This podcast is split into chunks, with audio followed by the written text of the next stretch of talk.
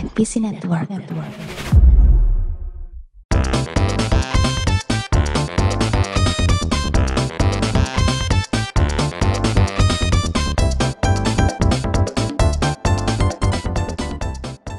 Selamat datang kembali di PNS dengan episode terbaru dari kami bersama tamu kali ini ya. Tapi sebelum itu perkenalkan diri dulu dari gue Uta. Dan gua Agi, ya kebetulan Rodi Sines nggak bisa hadir jadi diganti nama gua ya. Dan gua Aquam, ya udah gitu aja. Oke, itu dari kami. Nah, ini dia adalah tamu yang dijanji-janjikan ya. Wah, Eh, akhir zaman ya, bukan? belum, belum, belum, belum, belum, belum, belum, belum. Jangan dong. Saya belum menikah. Oh iya sama. Jadi ini dia ada Bang Rian Adriandi. Wey. Halo halo guys. Eh, Udah, udah berisik, berisik, berisik. Iya nggak bisa lihat visualnya kalau iya. kalian mau tahu ya apa yang apa barusan lakukan itu. Tuh disensor. Ceritanya dia mukul-mukul sesuatu yang tidak seharusnya dipukul. Wah, apa tuh? Aduh. Mikrofon. Mikrofon, aduh. Saya matikan mikrofon kamu nih. Nah, di situ. Aduh, salah. Oke, lanjut. Family friendly, family friendly. Family friend. Oke. Halo guys, apa kabar? Lah, harusnya kita yang nanya dong, Bang. harusnya kita yang nanya dong. Nah, nggak apa-apa kan sama aja. Ter- tetap bergulir kan pembicaraannya kan. Oke, oke, oke. Ya, kita baik-baik aja, Bang. Yang penting kan Bang Rian nih. Kemarin soalnya sempat sakit katanya kan. Gimana Hmm. kabarnya nih Bang Rian nih? Ya, ya, sekarang nih sakit dikit apa Parno jadinya. Tapi enggak kok, gue baik-baik aja. Wah, bisa ini nih, bisa product placement nih. Karena gue minum Wah, Waduh. bagus, bagus. Bisa. Enggak kemarin sempat sempat ini aja migrain dikit aja tapi habis itu tidur habis itu udah baik lagi kok sekarang gue udah bisa ngobrol kalian mau ngobrolin apa aja gue Hmm. sehat kok Nah, kalau soal migrain, kita punya nih. Ini dia. Gak kelar-kelar iklan terus. Oke, oke, oke. Jadi Bang Rian udah sehat nih ya. Udah siap nih ngobrol-ngobrol bareng PNS. PNS ini apa sih pegawai negeri sipil Podcast, Bang. Podcast Negeri Sipil. Ya. Wah. Berarti bintang tamunya nggak ada yang boleh tatoan dong Ya. Wah. Biasanya kalau yang tatoan tuh hilang biasanya. Waduh. apanya tatonya Tatonya di, Oh, di, di laser, tatonya. di laser. Iya iya iya iya. apa sih tapi sebenarnya PNS apaan singkatan apa Podcast ngopi susu atau podcast ngobrolin film suka-suka gitu. oh Jadi kita- ngopi susunya tuh singkatan lagi Iya. Eh, oh berarti ngobrolin film dong film, iya. Kita agak alay emang. Oh, Oke. Podcast ngobrolin film suka-suka siap. Suka-suka. PNS. Oke oke. Terus jadi kita mau ngobrolin film dong sekarang. Kayaknya ngobrolin politik lebih seru deh bang ya. Kayaknya. Berarti ngobrolin politik suka-suka dong. Ya. Waduh. Eh, Bisa juga Atau ya. podcast ngopi susu, podcast ngobrolin. Wah. Mampus editornya. Ini kebetulan ini ya politikus Burkina Faso kan yang kita omongin Nah, kan. betul. Oh, iya iya dari Iya. Wakanda Wakanda. Wakanda. Engkungku ya, itu ya. Christopher Engkungku. Jadi sebelum kita mulai mungkin ada baiknya kita disclaimer ya. Mm-mm. Kalau kita karena sebelumnya kan Bang Rian ini jadi bintang tamu di Geekin Out gitu. Iya minggu lalu kalau nggak salah. Uh, minggu lalu dan udah tayang juga ya di Hmm. podcastnya Geekin Out gitu. Jadi buat Bang Rian tuh kita tidak segik itu gitu. Jadi kita nggak jago-jago amat gitu. Hmm. Oh iya nggak apa-apa. nggak apa-apa. Uh, kita cuma orang yang pengen ngobrol aneh aja Hmm. bikin podcast. Ya, ya, ya, aneh. Ya, wah, wah. ya itu adalah efek dari vaksin Sinovac ya saudara-saudara ya. Dia kayaknya lu kayak dosis satu sama dosis dua beda vaksin ya. Kebetulan yang dua vaksin polio bang kayaknya. Bang. Aduh, padahal pengennya vaksin HVS. Kok HVS kertas? Polio, polio kan tadi. Polio. Oh, polio. Aduh, aduh, Gue baru nyadar lagi. aduh, Gak berat, berat, berat. Nggak apa-apa lah. Nggak apa-apa tapi seru gini daripada podcast-podcast kaku-kaku gitu kan. Iya. Kalian nggak jelas gini. Enggak maksudnya kayak daripada kayak rekaman-rekaman sama orang yang kayak eh iya terus eh, Bang Rian eh, apalagi Bang gue kan bingung gitu ya kayak Eh, kalau gue lebih sendiri ntar kesannya tuh podcast gue dia yang bintang tamu gitu Jadi Bang Rian ngundang podcast malah ya Iya. di podcastnya. ayo apa apa lagi eh, siapa nama lu Uta apa contekan lu apa lu dari lihat kertas kan Enggak, enggak, udah, Oh, udah. lihat HP ya Enggak, dia lihat HP ada pertanyaan-pertanyaan gitu. oh oke. Iya. Tapi pertanyaan mending langsung masuk ke pertanyaan aja gitu, biar nggak kelamaan. Karena waktunya cuma 40 menit ya. Oh ya udah, oke. Kita udah ngabisin berapa menit ya barusan ber- berkelakuan tidak jelas ya. Iya, jadi pertanyaan pertama nih kan Bang Rian sendiri umurnya nggak jauh dari kita lah gitu. Mm. mungkin kecilnya ngerasain juga nonton kartun di minggu pagi jadinya gitu. Iya pasti pasti. Uh, uh, jadi Uh-uh. ini pertanyaannya kayak kartun apa yang jadi favorit gitu? Nomor satu lah favorit di minggu pagi buat Dorian. Eh, aduh, gue sebenarnya kalau kartun minggu pagi harus favorit satu ya. Sebenarnya gue suka Hmm. banyak. Maksudnya gue, ini seingat gue ya, di itu tuh itu banyak banget kartun yang eh menyenangkan gitu. Dan gue kalau minggu pagi itu nontonnya nggak satu channel doang, nggak tahu kalau kalian. Gue pasti karena udah biasa gitu, jadi ada apa namanya yang mesti ganti channel gitu. Seingat gue tuh apa yang bentrok ya, Hattori di Indosiar, eh Hattori di RCTI sama apa di Indosiar apa Detektif Conan apa gue lupa deh. Jadi kayak harus kadang-kadang milih gitu. Minggu ini gue lagi mood yang mana. Cuman kalau favorit, aduh apa ya? Tinju kayaknya tinju bukan? bukan dong, bukan dong. Emang itu acara minggu pagi, tapi agak siang dia ya. Ya ini ini gue nggak tahu jawabannya standar atau memang karena kartunya bagus aja gitu. Kok kayak minggu pagi tuh udah identiknya sama gue Doraemon sih gitu. Oh iya. Mm. ini kebetulan ada beat Bang Rian juga ya soal ini ya. Yang Apa? mana sangat membekas gitu. Beat beat Doraemon dengan Karni Ilyas. itu juga Pura-pura lupa. Apa itu? tidak ingat saya tidak ingat. Tapi gue lupa deh. Maki Bao tuh juga minggu pagi nggak ya? Makibo enggak Kayaknya ya, kayaknya. Pagi Iya, iya. pagi pagi pagi pagi. Oh, pagi juga ya? Pagi. Pokoknya pokoknya gue Doraemon gue suka, Pimen gue suka. Kalau dari baratnya Powerpuff Girl gue suka. Terus dulu Marsupilami itu juga kalau nggak salah minggu ya. Minggu, minggu, Minggu, minggu, minggu, minggu, minggu. Iya, itu juga suka. Huba Huba itu juga gue suka. Ya apalah apa pun yang apa pun yang tayang. Nah, ini bukan kartun sih, tapi Power Ranger season 1 yang Mighty Morphin itu juga minggu pagi kan? Iya. Iya kayaknya. Iya. Eh, Kalau pertanyaannya tadi ya Doraemon sih kayaknya gue yang paling. Hmm. Karena karena gue baca eh, tangkobonnya juga waktu itu. Maksudnya gue emang koleksi, Hmm. gue beli gue beli religiously beli si komik Doraemon itu. Hmm. Bukan beli di tukang fotokopian kan bang ya? waduh, waduh, waduh. Soalnya gue biasanya gitu soalnya. Waduh. gue pernah beli yang Doraemon yang kayak bootlegnya gitu kan yang yang Eh. KW-nya gitu kan Iya, ada yang yang yang, Jelek, yang jelek. jelek banget itu Ah. Jelek, eh. Iya iya itu. Dari kecil emang suka banget eh, sama animasi dan emang kayak Hmm. seumuran kita emang kayaknya sampai sekarang juga ya sampai yang udah tua-tua mungkin yang di luar sana senang banget masih nonton kartun apal- apalagi anime gitu. Mm-mm. Sekarang kan lu jadi animator nih bang. Mm-mm. Nah kan kalau kita misalnya orang-orang yang kerja gitu ah liburan atau misalnya weekend gitu nonton Netflix nonton kartun gitu. Nah lu Iya. sebagai animator yang biasanya risetnya ke kartun masa liburannya nonton kartun juga bagaimana bang? Kan jenuh pasti gitu kan.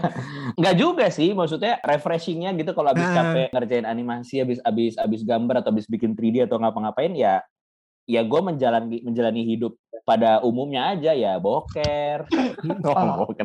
ya masak, makan enak. Sebelum Ah. covid ya paling jalan keluar rumah gitu. Maksudnya tetap tetap kayak manusia pada umumnya aja. Tapi Hmm. yang menarik adalah ketika udah ngerasain ribetnya dan capeknya bikin animasi, ketika lu nonton sebuah karya animasi tuh lu bisa lebih menghargai pembuatnya gitu loh karena lu tahu gitu wah pasti nonton scene apa gitu anjir ini susah banget pasti bikinnya gitu jadi ada Oh. justru ada apa ya respect baru gitu Ah, bahkan nontonnya mungkin lebih mendalami. Wah ini kok bisa backgroundnya warnanya begini gitu-gitu ya. iya terus abis itu tinggal ke Wikipedia lihat budgetnya berapa 30 miliar oh pantas itu aja jawabannya udah itu aja kok dia bisa ya backgroundnya kayak gitu gua nggak bisa oh iya budget lu berapa budgetnya berapa iya sih. Kebetulan background backgroundnya background pendidikannya ini manajemen. Waduh, waduh. Gimana, Berat gimana? banget dialognya ya. gua ketawa deh biar usaha lu ada hasilnya Aduh, soalnya ini bang, gue tuh bingung ya. Tadi Hmm. tadi si Agi nanyanya itu mulus banget. Gue bingung nih nganuin ke pertanyaan selanjutnya gimana ya pusing saya gitu. Karena udah kayak interviewer biasa aja di TV One gitu. Waduh. Baik, eh, pertanyaan berikutnya gitu. soalnya, di, di kepala gue banyak pikiran kan ini kan harus eh, family friendly ya. Sedangkan family gue kan nggak friendly friendly amat. Eh, ya udah kita ulang aja dulu dari awal. Enggak bang, bang. Ini ini kan kita ngomongin tentang animasi, tentang masa kecil kita. Eh, berarti ini tentang sekolah nih. Abang kan dulu sekolah atau kuliah season satunya itu di Indonesia dan season 2-nya di US kan? Season. S- Season. S1, S1, S2, S1, S2. Iya benar juga ya. Eh, Benar juga ya. Ah, ah, terus oh ya, itu kan fakta. Pertanyaannya apa? Oh iya, betul juga ya. bedanya apa sih bang? Itu beda apa perbedaan yang generalnya gitu yang abang rasain gitu. Siapa tahu bi- bisa menginspirasi teman-teman dan saya. Oh, oh, Oke, eh, sebenarnya kalau secara pendidikan, maksudnya ya pasti sama ya dia dia tetap sistemnya sama seperti kita ada SKS-nya, ada dosen, ada murid, ada fasilitas belajar segala macam. Mungkin yang membedakan adalah karena spesifik gue belajarnya animasi dan kan kita tahu ya US dan Jepang industri animasinya udah maju banget gitu. US Iya. dengan western animation-nya, Jepang dengan uh, animenya. Jadi yang kerasa banget adalah ketika lu belajar uh, ketika gue belajar di negara yang memang uh, industri animasinya itu sudah maju dan sudah berkembang gitu, akses ke bahan reference dan akses yang bisa gue pelajari itu lebih mudah dan lebih gampang gitu. Misalnya nih kayak ada seingat gue, jadi di kampus gue itu nanti ada National Library of Art apa gue lupa namanya ya. Jadi gambar-gambar original kartun kayak dari Tom and Jerry, kayak Flintstone gitu kan memang diarsipkan. Dan kalau lu mau mempelajari misalnya gua, lu pengen belajar animasi, lu pengen Oh. lihat gambarnya satu-satu tuh, lu bisa akses gitu. Lu bisa akses, lu bisa ngeliat, terus lu bisa ngeliat misalnya kayak originalnya background film apa gitu. Itu tuh itu tuh ter, terarsip dengan baik gitu. Dan untuk mendapatkan narasumber-narasumber yang pernah ngerjain langsung, gue tahu di Indonesia juga banyak gitu. Gue tahu banyak banyak animator Indonesia yang mengerjain eh, film-film besar di Hollywood. Gue gue juga tahu itu. Cuman maksudnya di sana tuh lebih mudah lagi dan lebih banyak lagi gitu yang pengalamannya udah macam-macam bisa kadang-kadang datang ke kampus gua dia sharing-sharing apa dia ngasih lihat apa kayak gitu-gitu sih Itu di arsip ini ada tulisan arsip nasional nggak? Waduh, terus dijual di gorengan. Anjir banget ya, gor- gorengannya orang Amerika. Lah, kok gambarnya Tom and Jerry gitu. Ini dari dari film apa Space Jam gitu. Itu sih yang paling kerasa akses untuk ke bahan belajarnya itu gitu. Dia banyak banget. resource ya berarti bang. ya? Resource betul, resource. Resource itu lebih mudah buat kayak istilah kalau kita pengen jago di apa gitu, semua resource tersedia mm-mm. gitu ya. Iya, iya. Lebih lebih Itu lebih sih. gampang dalam hal apa ya tadi ya? Dalam mencari ilmunya aja gitu ya. Iya, sama kalau yang di gua sih yang kerasa banget musim sih ya. Gua tuh ternyata nggak suka Oh. banget musim dingin. Oh sama bang. Gua udah nyobain musim salju tuh Hmm. winter tuh nggak nggak enak buat gua nggak enak ya. Heeh. Kayak bikinnya tuh pengen tidur aja gitu. Apalagi gua kerasa banget. Maksudnya untuk orang yang tidak punya kendaraan pribadi, kalau di sana kan bergantungnya sama kendaraan umum kan, transportasi publik kan, sama bus, sama kereta gitu dan Hmm. nunggu di halte gitu tuh menggigil aja gitu. Kalau lo emang nggak punya kendaraan pribadi itu sih yang secara hidupnya gitu ya, Ya. yang Jadi ini kan tadi pertanyaannya soal Bang dari masa kecil sampai kuliah gitu ya. Mm-mm. S1 di Indonesia dan S2 ke Amerika gitu. Yang Mm-mm. mana S2 ke Amerikanya dulu sempat bikin masalah juga tuh. Di fans-fans malam Wah. minggu Miko. So- Iya kan? Karena fans-fans tuh bingung kenapa Bang Rian itu keluar gitu dari Mang eh bukan keluar keluar ya istilahnya ya. Secara nggak langsung gitu, berpisah dengan malam minggu Miko gitu. Karena jadi Iya. udah jadi karakter yang dicintai gitu. Ya biar jadi legend aja. Wih. Waduh, Oh. saingannya akhirnya keluar dari YouTube juga, Bang. Aduh. Oh, Andovi, iya. Mendingan gue cabut terus jadi legend daripada gue terus-terusan terus sekarang gue jadi Pandu Winoto. Wah. Ya. Waduh. Yang, yang makin kaya Raditnya, gue enggak. gue pengen nanya lebih kayak akhirnya Bang Rian sekolah ke luar negeri dan balik ke Indonesia lagi gitu dengan mimpi yang mimpi masa kecil ya. Tadi mungkin ada detour sedikit gitu ke komedi gitu. Lalu balik lagi ke animasi dan akhirnya jadi head of the cinema lah gitu. Itu gimana perasaannya gitu? Akhirnya Bang Rian nih berkontribusi bukan ya kerja lah di industri Iya. ini gitu di Indonesia. Ya pasti bersyukur lah maksudnya gue ya bersyukur pasti seneng pasti kaget juga tapi tapi seneng karena maksudnya ya itu kan memang sesuatu yang dituju gitu kan sesuatu yang gue coba eh, cari gitu. Dan dan gue bersyukur banget bisa ketemu sama eh, Mas Angga Sasongko dan Visinema yang ternyata Mas Angga juga pemerhati animasi kan gitu. Dan diperkenalkan ke Mas Angga Sasongko tuh lewat Adriano Colby yang lebih dulu udah kerja di Visinema Heeh. Iya, Adriano Colby podcast awal minggu, C. Bapak Iya. podcast Indonesia. Bapak. Indonesia. podcast. Iya.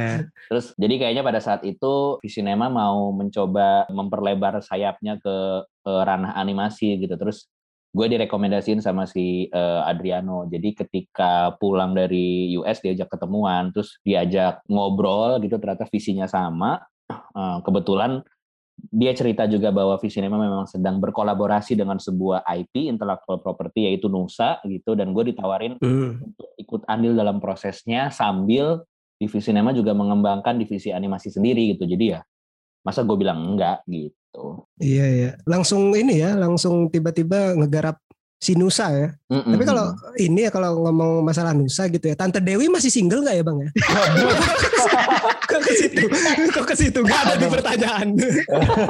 Gak ada di briefing loh. Ini, ini briefing kita gak ada loh. Iya, Bang. Hey, Ta- tapi Iya. emang da- dari kemarin-kemarin kita ngobrolin tentang ini, kita siapin ini. Ini Agi nanyanya Tante Dewi, Tante Dewi terus, Bang. Enggak karena gini, gue gue menariknya di sini, maksudnya dari karakter Tante Dewi ini eh, perspektif Nusa dan Rara itu berbeda tentang Tante Dewi gitu loh. Kan biasanya kan kalau misalnya di kartun-kartun lokal tuh kan ya karakter ya udah saklek gitu aja semua orang oh si, si ini begini si ini begini. Sedangkan kalau di Nusa walaupun kecil ya tapi sangat apa ya kayak realistis gitu loh. Menurut- apa emang emang perspektifnya Nusa ke Tante Dewi apa? Kan kalau yang gue lihat di Instagram ya kan eh, tante Dewi tuh bawel habis Ah. itu cerewet. Nah kalau versi Raranya kan eh, perhatian gitu-gitu loh pak jadi kayak kayak Iya. bener-bener hidup gitu loh animasi 3D-nya animasinya tuh kayak kayak oh ini kayak kita nonton kehidupan sehari-hari orang biasa gitu bukan kartun gitu oh oke Ah. terus hubungannya sama dia single apa enggak apa ya kan bisa jadi gitu nanya aja bang kali aja soalnya ini pertanyaan tuh eh, pendengar PNS tuh banyak banget tuh masuk DM gak gitu. ada, gak ada. Si ngarang lu, si ada. Enggak, enggak. Sebenarnya pertanyaan seriusnya kan tadi ngomong masalah Nusa itu eh, kan tagline-nya itu Nusa untuk semua ya. Mm-mm. Nah kalau men- eh, dari Bang Rian sendiri tagline Nusa untuk semua tuh kayak gimana sih Bang?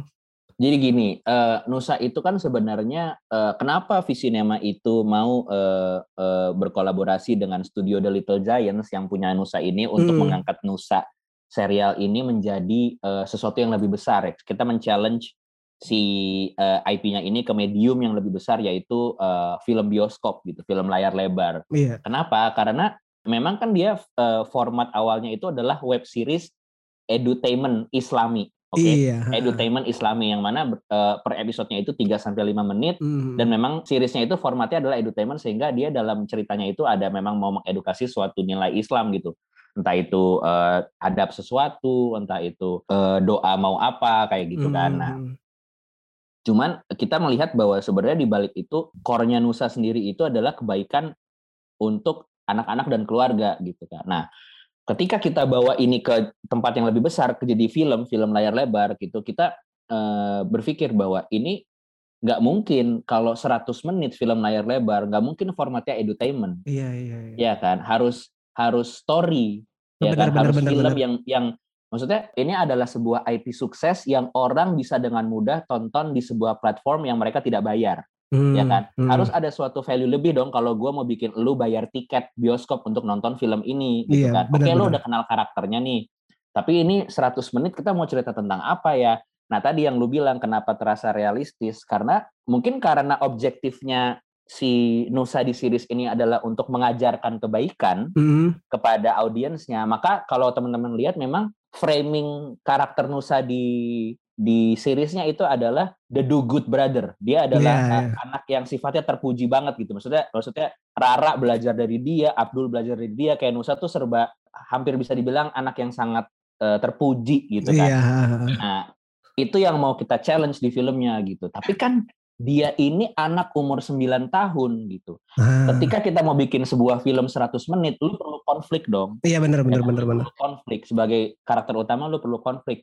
Kalau ada konflik yang sangat manusiawi banget kita mencoba berpikir kayak apa sih eh, Nusa akan merespon itu sebagai anak umur 9 tahun gitu. Lalu ketika kita melakukan riset gitu dan kita melihat bagaimana interaksi orang tua dan anak dan segala macam and then kita sadar bahwa ketika ini dibawa ke film 100 menit walaupun dia berangkat dari sebuah serial edutainment Islami, tapi ketika masuk ke dalam cerita ini, ini adalah cerita keluarga dan anak mana pun. Ah iya benar benar benar. Iya, dan kita berpikir gitu, apa ya maksudnya hashtag yang paling bener tuh naratifnya tuh apa gitu. Oh ya Hmm. ini tuh memang kita mau ngasih lihat betapa Nusa ini juga anak manusia. Dia Iya, punya iya. banyak banget range emosi yang mungkin nggak kelihatan di seriesnya. Dia bisa marah, dia bisa jealous, dia bisa kecewa sama orang tuanya, dia bisa punya ambisi, pengen melakukan sesuatu, pengen punya goal, pengen punya mimpi, which is kan semua manusia juga memiliki itu. Gitu.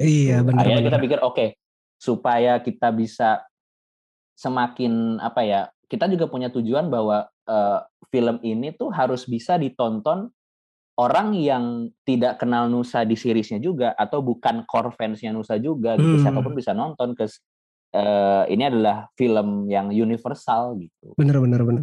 Ya sih gue ngeliat kayak di trailernya itu biasanya kan kalau misalnya di series di seriesnya kan dia cuman konflik paling konflik paling anta hilang gitu doang kan. Paling main sama mata Yeah. tabi dia kan. sama sama Kurochan Sama dong. Iya dia kan Kurochan, Itu cukup sedih Kurochan. sih. Ya gue tahu tuh episode yang Anta hilang. Nah, yang itu kan paling mentok tuh itu gitu. Tapi tiba-tiba pas gue liat trailer, wah ada si Johnny, Johnny Stark kan yang namanya. Pinter banget bikin roketnya gitu. Kaya lagi kan? Iya. Johnny Lightyear. Johnny lagi. Johnny Lightyear. Waduh. Iya, iya. Iya, terus eh, mungkin gua nggak tahu teman-teman udah lihat teasernya atau trailer yang udah trailer satu Hmm. itu kan memang ada adegan dia ngebentak ibunya kan. Iya benar. Iya. betul banget gitu. Heeh. Sangat tidak adab gitu bang ya. justru bukan tidak adab, justru show- showing how human Nusa is. Iya. Nah, iya benar. Kalau human, eh, ka- kalau Nusa ini anak-anak juga gitu. Mm-mm. Nah. Lanjut langsung passing passing lambung ke Uta silahkan. Bukan gua dong. Saya Bukan. dong. Oh, parah, parah, parah, parah, parah. Iya saya Maaf, tahu. Maaf maaf bang. Mm-mm. Udah udah udah udah konfliknya nanti aja konfliknya Iya, nanti aja. iya, siap, siap. Dibikin film Iya, animasi iya. ya. Iya. Waduh. Nah, nih kalau denger cerita Bang Rian nih Nusa nih bakal jadi film animasi yang seru banget nih. Jadi buat Yes. kalian nih yang dengerin episode kali ini dan penasaran kapan sih Nusa ini tayang, kapan dia bla bla bla bla bla bla dan di mana tayangnya, makanya pantengin aja akun sosial medianya Visinema di Twitter ada di @visinema_id. Tuh, pantengin dong. Bagus kan bridgingnya? Luar biasa. Bagus. Buat pendengar yang tidak bisa lihat ya dari tadi aku ngomong nih sisanya yang lain nahan ketawa. Semuanya nih. Dia lagi trying loh, biarin aja. Bukan. Udah kayak, kayak gini. Enggak bang. Nggak terus yang menarik adalah dia ngomong ini ya. Buat yang tertarik sama film Nusa dan bla bla bla bla. Males membahas detail udah bla bla bla bla. Aduh, saya bingung ini kenapa saya begini. Ya begitu aja saya cukup sekian. Wassalamualaikum. Belum belum belum belum salah bang. kan kemarin gue sempat dengerin ini ya bang ya yang sama Geekin Out ya. Mm. Itu tuh eh, ada satu poin yang bikin gue tertarik banget eh, bahwa di film ini nanti kita bakal bisa ngelihat orang tua itu bisa juga belajar dari anaknya gitu kan. Ya, Nah itu menarik banget. Nah kira-kira hal kecil apa sih? Apalagi kan mungkin kayak kita kita ini kan suatu saat mungkin akan punya keluarga, akan punya Hmm. anak gitu. Hal kecil apa sih yang bisa kita dapat pelajaran gitu dari anak gitu? Karena ya manusia pada umumnya sampai liang lahat pun pasti akan selalu belajar kan gitu loh. Biar nggak ada Iya. kesalahan di masa depan. Ih bagus banget pertanyaannya. Ya nggak usah diomongin lah, nggak usah diomongin lah, tolong lah. Muji sendiri ya dia. pasti eh, orang tua bisa belajar banyak dari anak. Contohnya belajar sabar. Itu standar sih, saya belajar sabar. Tapi kayak mungkin memang secara hierarki orang tua itu memang menjadi caretaker kan. Dia jadi pembimbing dan jadi yang menjaga seorang anak gitu. Ketika memang anak Hmm. dalam posisi Hmm. dia belum bisa menjaga dirinya sendiri gitu. Tapi kan seiring bertumbuhnya eh, umurnya gitu kan nanti lama-lama kan anak juga tingkat kecerdasannya, pengetahuannya dan segala macam itu harusnya sebenarnya bisa diimbangi jadi sehingga komunikasinya tuh udah bukan satu arah bahwa apa yang datang dari atas tuh pasti benar gitu loh. Maksudnya mereka juga perlu Oh. diberikan ruang untuk memberikan pendapat, lalu mereka bisa mengekspresikan apa yang mereka alami, apa pandangan mereka terhadap apa yang mereka rasakan, dan itu menurut gue penting banget untuk orang tua menyediakan ruang itu untuk mendengar itu loh. Orang tua untuk mendengar. Akom jangan nangis, nggak apa-apa. Ayah ibu kalian, ayah ibu Oh, Saya gembira kok. yang kayak gitu lah. Maksudnya, maksudnya kan eh, ketika sudah bekerja sebagai satu unit keluarga gitu kan harusnya bisa saling menghargai uh, pendapat gitu dan ruang itu tuh memang harus diciptakan dengan sehat sih menurut gue ya pasti ada lah ya ego ego kita sebagai orang tua ketika oh kan gue yang besarin elu gue yang ngurusin elu gitu kan pasti akan ada akan hmm. ada ego yang merasa bahwa uh, harusnya gue tuh lebih penting daripada lu padahal kan harusnya tidak sepenuhnya seperti itu gitu hmm. mereka itu kan juga their own self. Yeah. Gitu. Hmm. Egonya gini nggak bang? Lu ego? Waduh, bukan. Aduh. Eh, satu pertanyaan terakhir deh, terus gue disconnect deh udah. Iya, aduh. Aduh, bintang tamunya. Bintang tamunya menyerah. Masih untung bang, kadang-kadang dia di tengah taping buka baju bang. Kita juga stres. Gak tahu kenapa. Untung audio ya. Tapi ini ya, gue ngerasa kayak emang zaman sekarang tuh kayak anak-anak zaman sekarang lebih kritis sih. Maksudnya kayak apa yang di disajikan di Nusa ini emang kayak relatable hmm. dengan anak-anak zaman sekarang gitu. Maksudnya kayak orang tua orang tua mungkin ya seumuran kita atau lebih tua sedikit kan hmm. masih bekas didikan yang lama gitu kan, yang mana harus ngikutin dan akhirnya uh, kayak gitu juga ke anak. Tapi dengan Nusa sendiri kayaknya ini sih relatable sih apa orang tua harus belajar dari anaknya gitu. Oke selanjutnya passing lambung. soal soal tadi Bang Rian cerita soal kalau ini juga film ngasih pelajaran ke orang tua juga, hmm. bukan cuma ke anaknya gitu.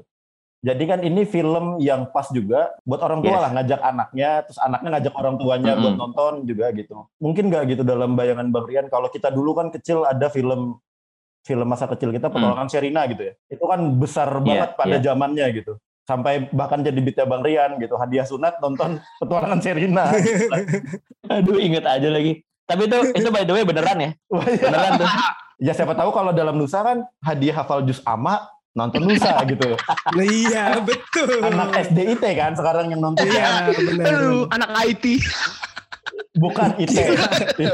kok IT? Anak SD kok IT? SD IT, SD IT. Oke, oke. Jadi Ini pertanyaannya apa? belum, belum, belum. Belum ya belum belum. Jadi pertanyaan gue tuh Bang Rian soal Nusa tuh harapannya gimana gitu.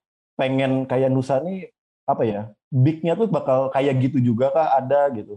Wah tentu dong, maksudnya sebagai sebagai co-producer yang ikutan ngerjain filmnya ya gue sangat berharap film ini bisa diterima banyak sekali kalangan, mulai dari keluarga, orang tua, anak, penikmat film Indonesia, penikmat film animasi gitu. Karena selain satu story-nya memang relatable dengan uh, keluarga di Indonesia, dengan kondisi orang tua dan anak di Indonesia, tapi juga kita juga nggak setengah-setengah, kita juga menyajikan animasi yang bagus gitu. Kita memastikan banget bahwa uh, secara teknis pun gitu ini di atas seriesnya dan gue berharap juga ini nanti bisa dilihat sama banyak orang bahwa ini sebuah batu loncatan sih untuk standar animasi di Indonesia ya menurut gue gitu. Jadi hmm. kalau harapannya bisa seperti petualangan Sherina apa enggak ya amin banget gitu. Bisa sampai ada yang ngantri-ngantri keluar bioskop kan gue inget banget tuh tahun 2000. Karena hmm. gue ikutan ngantrinya seperti itu dan uh, ya jahitan sunatnya belum kering tapi Bapak harus menepati janji jadi sekarang kita nonton petualangan Sherina nggak apa-apa aku pakai celana kargo agak gombrong ventilasinya bagus bisa nonton gitu. Anyway, balik ke jawaban gue yang lebih serius dan family friendly.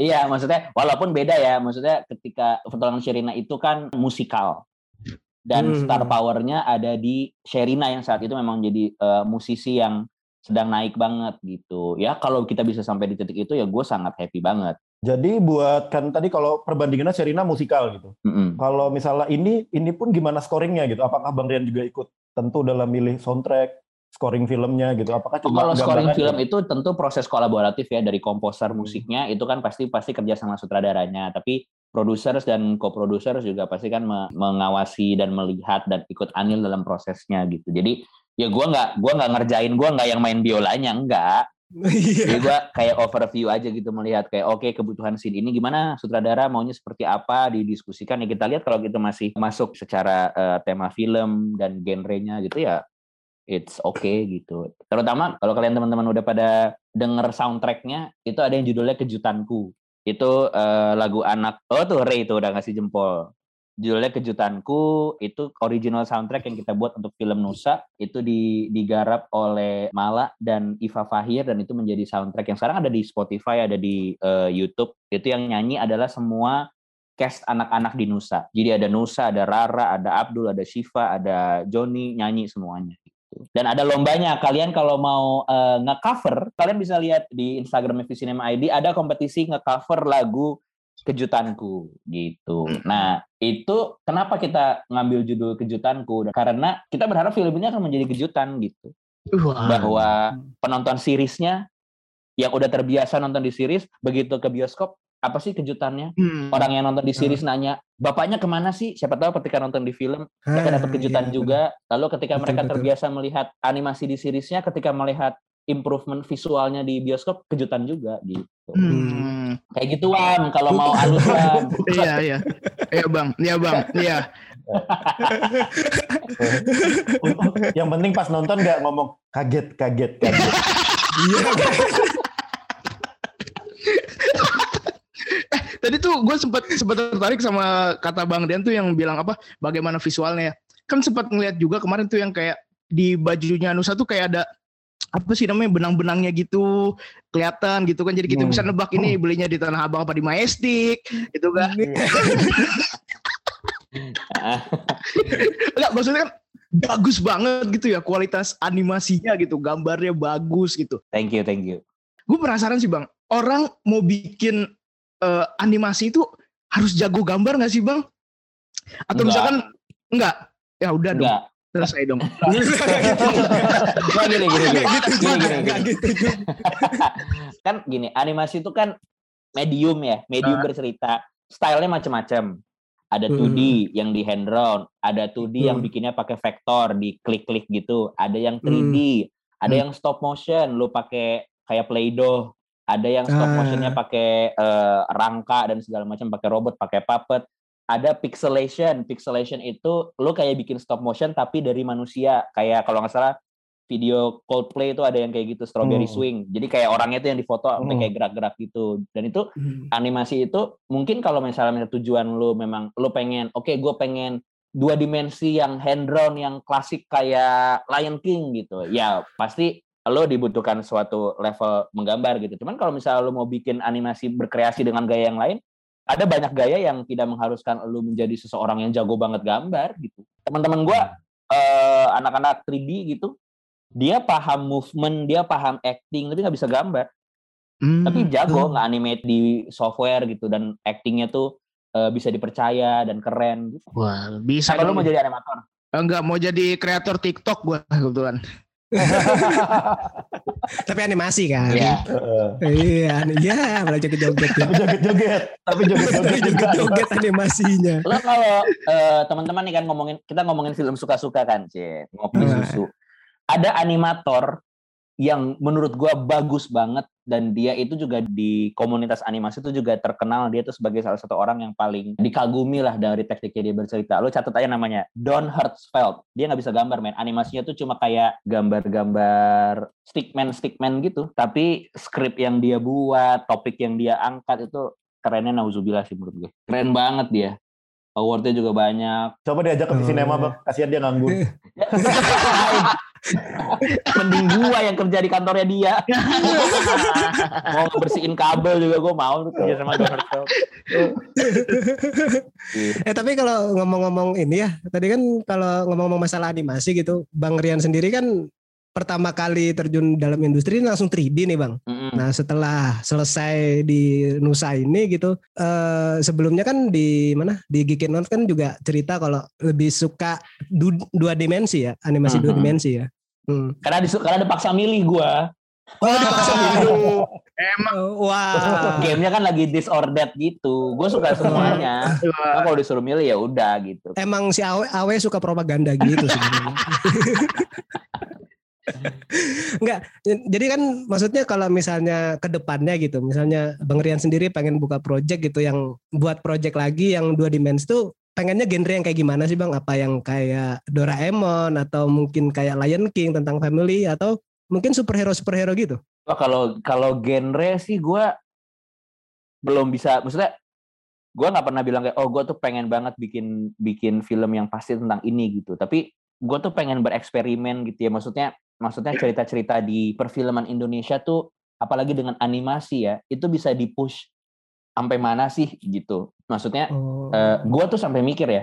Ini opini pribadi gue ya. Gue tuh nggak kebayang potensi yang bisa diraih oleh genre horor Indonesia kalau Hmm. animasi dilakukan dengan sangat bagus gitu. Karena eh, technically dengan animasi tuh lu nggak ada batasan logistik apa pun gitu. Misalnya tiba-tiba Iya, gue mau bikin film kuntilanak di bulan, bisa aja gitu. Atau ada eh, pocong dendam di Jupiter, itu bisa nggak ada nggak ada nggak ada kesulitan sama sekali secara geografis ngerti nggak lo? Iya bener bener. Gue mau bener. ngangkat legenda apa pun yang ada di bawah laut tentang Ah. apa uh, gua nggak tahu apakah ada ada pejuang-pejuang 45 yang kapalnya karam terus mereka jadi zombie di bawah laut kan bisa aja gitu. Iya. Gue sih selalu penasaran animasi bisa nge-push horor Indonesia seberapa gitu. Ah iya bener Gitu bener sih. bener. Karena nggak tahu nih ya maksudnya dibenerin kalau salah. Kayaknya di luar apa secara global juga eh, animasi horor nggak terlalu banyak juga kan? Iya, ada tapi eh, nggak signifikan jumlahnya dibandingkan dengan eh, eh, ya family friendly, family tales, adventure, Ah, friendship, eh, fantasy gitu. eh, Kayak film lu udah nonton eh, Paprika. Eh, belum belum. Gua gua belum. Nah, itu dia Oh, udah tuh. tuh. Si, Si Jain si udah. Nah, itu itu itu kan bukan horor sih, cuman kan maksudnya lu bisa melihat bagaimana realita tuh udah hampir nggak ada fungsinya gitu kan dia bisa ke mana aja gitu. Animasi itu kan punya beberapa keunggulan yang dia bisa lakukan live action nggak bisa lakukan gitu. Gue tuh nggak bayangin ini ya kayak lo bayang nggak sih ada ada film kayak eh, balas dendam kuntilanak atau apa gitu, cuman stylenya kayak Tale of Princess Kaguya gitu yang gambarnya tuh kayak pakai Oh. arang, pakai pensil gitu. Iya iya. Wah, keren banget. Terus ternyata Scratch scratchnya iya, gitu terus ya. ternyata pocongnya bukan lompat-lompat doang, pocongnya bisa henshin gitu. Wah, di atas. Itu keren Henshin. Rupanya kelabang dalamnya. Iya, my, kelabang my gitu. mind is getting wild gitu kan tiba-tiba. Jadi hantu Indonesia yang kelihatan di permukaan tuh sebenarnya nggak kayak gitu gitu. Iya, ternyata ternyata dalamnya eh, dia ada alien yang naikin mecha gitu. Oh, ternyata dia tuh ternyata di dalam mukanya pocong itu ada kokpit gitu.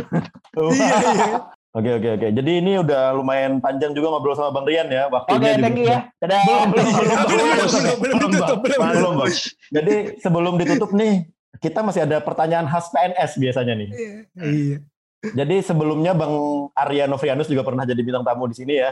Juga kita tanya ini nih nih. Jadi jadi ini juga sama Bang Rian juga pengen nanya ini nih. Kan Bang Rian juga menyukai animasi gitu. Siapa waifu Bang Rian? Kalau punya Kak Ros boleh Kak Ros. Kak Ros Waifu. atau ya favorit Gua favorit waifu. female karakter gitu lah. Nggak harus waifu deh. Kalau waifu kan kesannya kan maksudnya Heeh. kalau tiba-tiba gue tiba-tiba nyebut anak di bawah umur kan kayak anjing Waduh. banget nih jadiin waifu gue nggak mungkin ya Nezuko, Nezuko banget. Chan pasti. Maruko Maruko Chan. Maruko Chan. karakter anime yang gue suka Iya ya. perempuan ya perempuan. suka dalam hal apa nih gitu. Aduh. Aduh. Aduh. di- oh emang emang animenya gue suka aja ya Oke oke oke. Iya, Bisa boleh, bisa bisa boleh. Sakura gue suka Oh, iya. Old, old, school sekali ya. Heeh. Ngumpulin kartu remi dia. iya FBI, FBI. Wah parah banget sih. oh ya udah deh ini deh yang lebih nggak predatorial ya Enggak predatorial. sebenarnya sebenarnya kalau sekarang dilihat biasa aja tapi ketika saat Hmm. itu gue pernah lihat gue kayak wow atraktif sekali ya tokoh ini gitu Oke. Wah. Android 18 Waduh. bener nggak setuju nggak Bang Ren adalah clearin ya. Aduh. Iya. iya ini- ini tuh kalau di sini udah jadi Wow. Wah iya. Ini diedit gak sih sensor ya sensor ya sensor ya Jadi buat buat pertanyaan itu ya. Nah, ini ada dua pertanyaan terakhir, cuma disordered juga pilihan dan gak boleh ngasih alasan. Jadi Bang Rian cuma tinggal pilih aja gitu. Nih. nggak ada alasannya ya Nggak ada alasannya, tinggal Oke. pilih. Jadi ki- kita dibiarkan berpikir kenapa Bang Rian milih itu. Gitu. Cuma dua aja sih. Jadi sebelum penutup nih. Pertama, One Piece atau Naruto? Naruto Oke. Kedua ini cuma dua juga, Lion King atau Spider-Man Into the Spider-Verse? Spider-Man to the Spider-Verse Wah, oke. Oke, terima kasih buat Bang Rian ya. Udah. Udah, cuma dua aja, cuma dua aja. Kita karena Oke. kita penasaran gitu. Oke, terima kasih juga buat Bang Rian yang udah jadi mau bintang tamu di PNS kali ini nih. Ngebahas soal sebagai Head of Animation Divisi, Divisi Nema, Nusa, dan pengalaman masa kecilnya juga gitu. Thank you guys. Oke, dan jangan lupa juga buat teman-teman ya follow Visinema ID ya. Dan juga dan juga PNS ya di sini. Jadi kita nebeng tenar.